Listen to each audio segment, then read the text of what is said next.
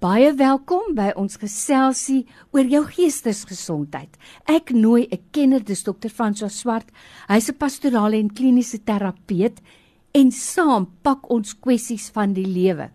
En ons wil by 'n punt kom waar jy saam met ons kan sê ek kies lewe. So Dr. François vir jou tyd vandag. Ons waardeer dit baie welkom. Dankie Lorraine en hallo aan al die luisteraars. Dr. François, dit is vroue maand. En ek het gedink ons moet 'n bietjie gesels oor vrouens en hulle selfbeeld. Jy weet 'n mens word oral gekonfronteer met fotos van perfekte vroue.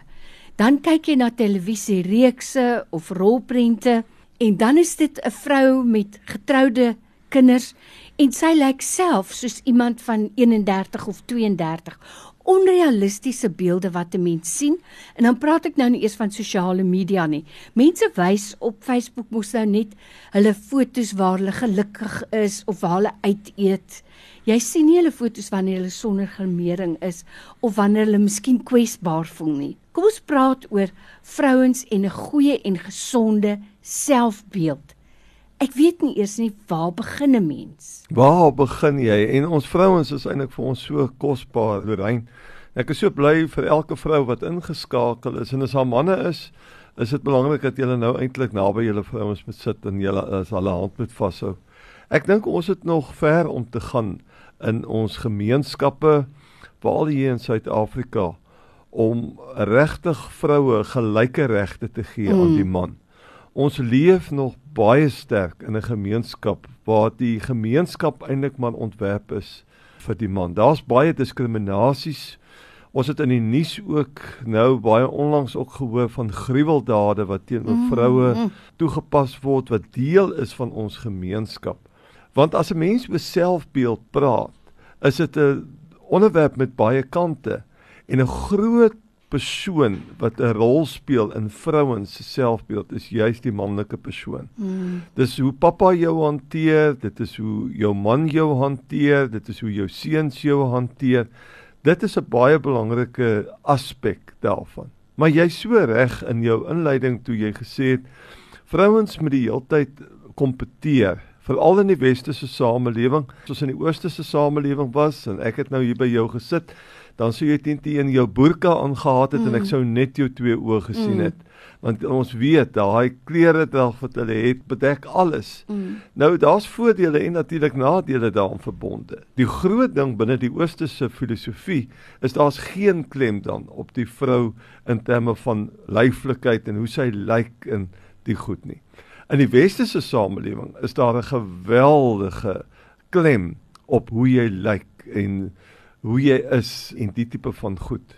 Nou dis jammer want as gelowiges lê ons identiteit in Jesus.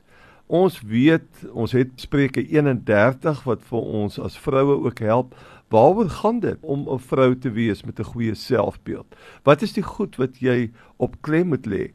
En dit lyk vir my dat as 'n mens verlos kan word as vrou om jou heeltyd te vergelyk met jou vriendin, of met jou kollega of met ander vrouens, dan het jy 'n groot verlossing mm. ervaar. As jy jouself kan aanvaar wie jy is binne die genadestrukture van die evangelie en jy het die voorreg om 'n mamma te kan wees, om 'n werk te kan hê, om 'n verskil te maak, dan is jy eintlik 'n wonderlike vrou en dat 'n mens mooi na jouself sal kyk en jou gesondheid maar sal weet dat skoonheid en al die goed wat die wêreld daar buite 'n hoë premie opplaas baie keer vir ons vrouens eintlik baie seer maak.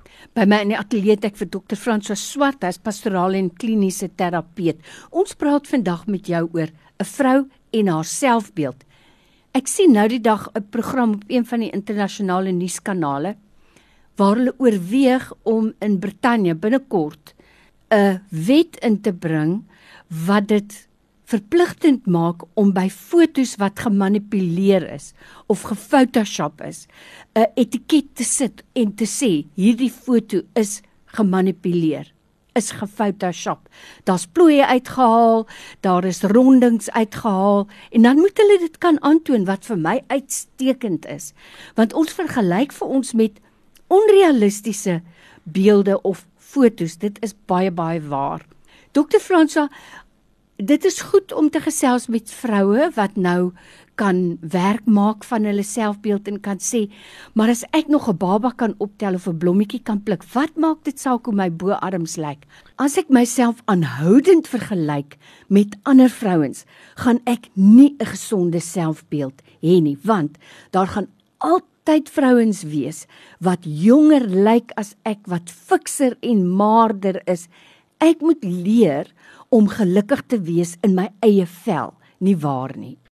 Die belangrike ding wat ons vrouens is is dat ons ons rol in die samelewing opnuut weer sal omarm. Ons vroue is regtig die kern en die ruggraat van ons huisgesinne. Wat is 'n huis sonder 'n moeder? In die ou dae was daar so 'n portret teen die mm. mure.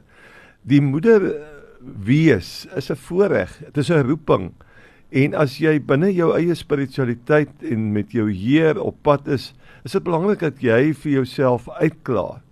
Voordat jy kom by die mooi goedjies en hoe jy lyk, wat is my rol? Wie wil ek wees? Wat is ek? En dat ek my identiteit nie laat opgaan net in mamma wees of vrou wees nie, maar dat ek my sal aanvaar soos wat ek is, die Here daarvoor sal dank en sal weet ek het 'n enorme bydrae om te lewe. Ons vrouens gewoonlik weet ek ook uit die navorsing uit gaan deur 'n geweldige identiteitskrisis na hulle eerste kind. Want alles mooi ferm in terme van hulle lywe, hulle moet borsvoed, baie keer sit hulle bietjie gewig aan, hulle sukkel om weer hulle gewig terug te herwin toe hulle getroud was. Hulle moet baie keer werk, hulle moet soveel rolle vertolk. Ons praat van die superwoman dat hulle moet lovers wees, hulle moet mothers wees, maar hulle moet ook 'n inkomste stroom mm. inbring binne in hulle gesinsopset. En dit word net baie keer te veel vir ons uh uh, uh gemiddelde vrou om om by dit alles uit te kom. En dan voel sy soos 'n mislukking. Mm. Maar die eintlike rede is eintlik dat ons die onmoontlike van haar verwag. Dis ons moet terugbeweeg na realistiese doelwitte vir onsself Ons moet in kontak wees met die jare waarbinne ons is en ons moet ook verlief neem en vrede maak daarmee. Maar ons moet waak as vroue dat ons nie ons identiteit en die sin en betekenis van ons bestaan net kry in ons kinders en in ons mans nie. Want jy is soos wat jy daar sit voor die radio is uniek. Jy is besonder. Jy het talente.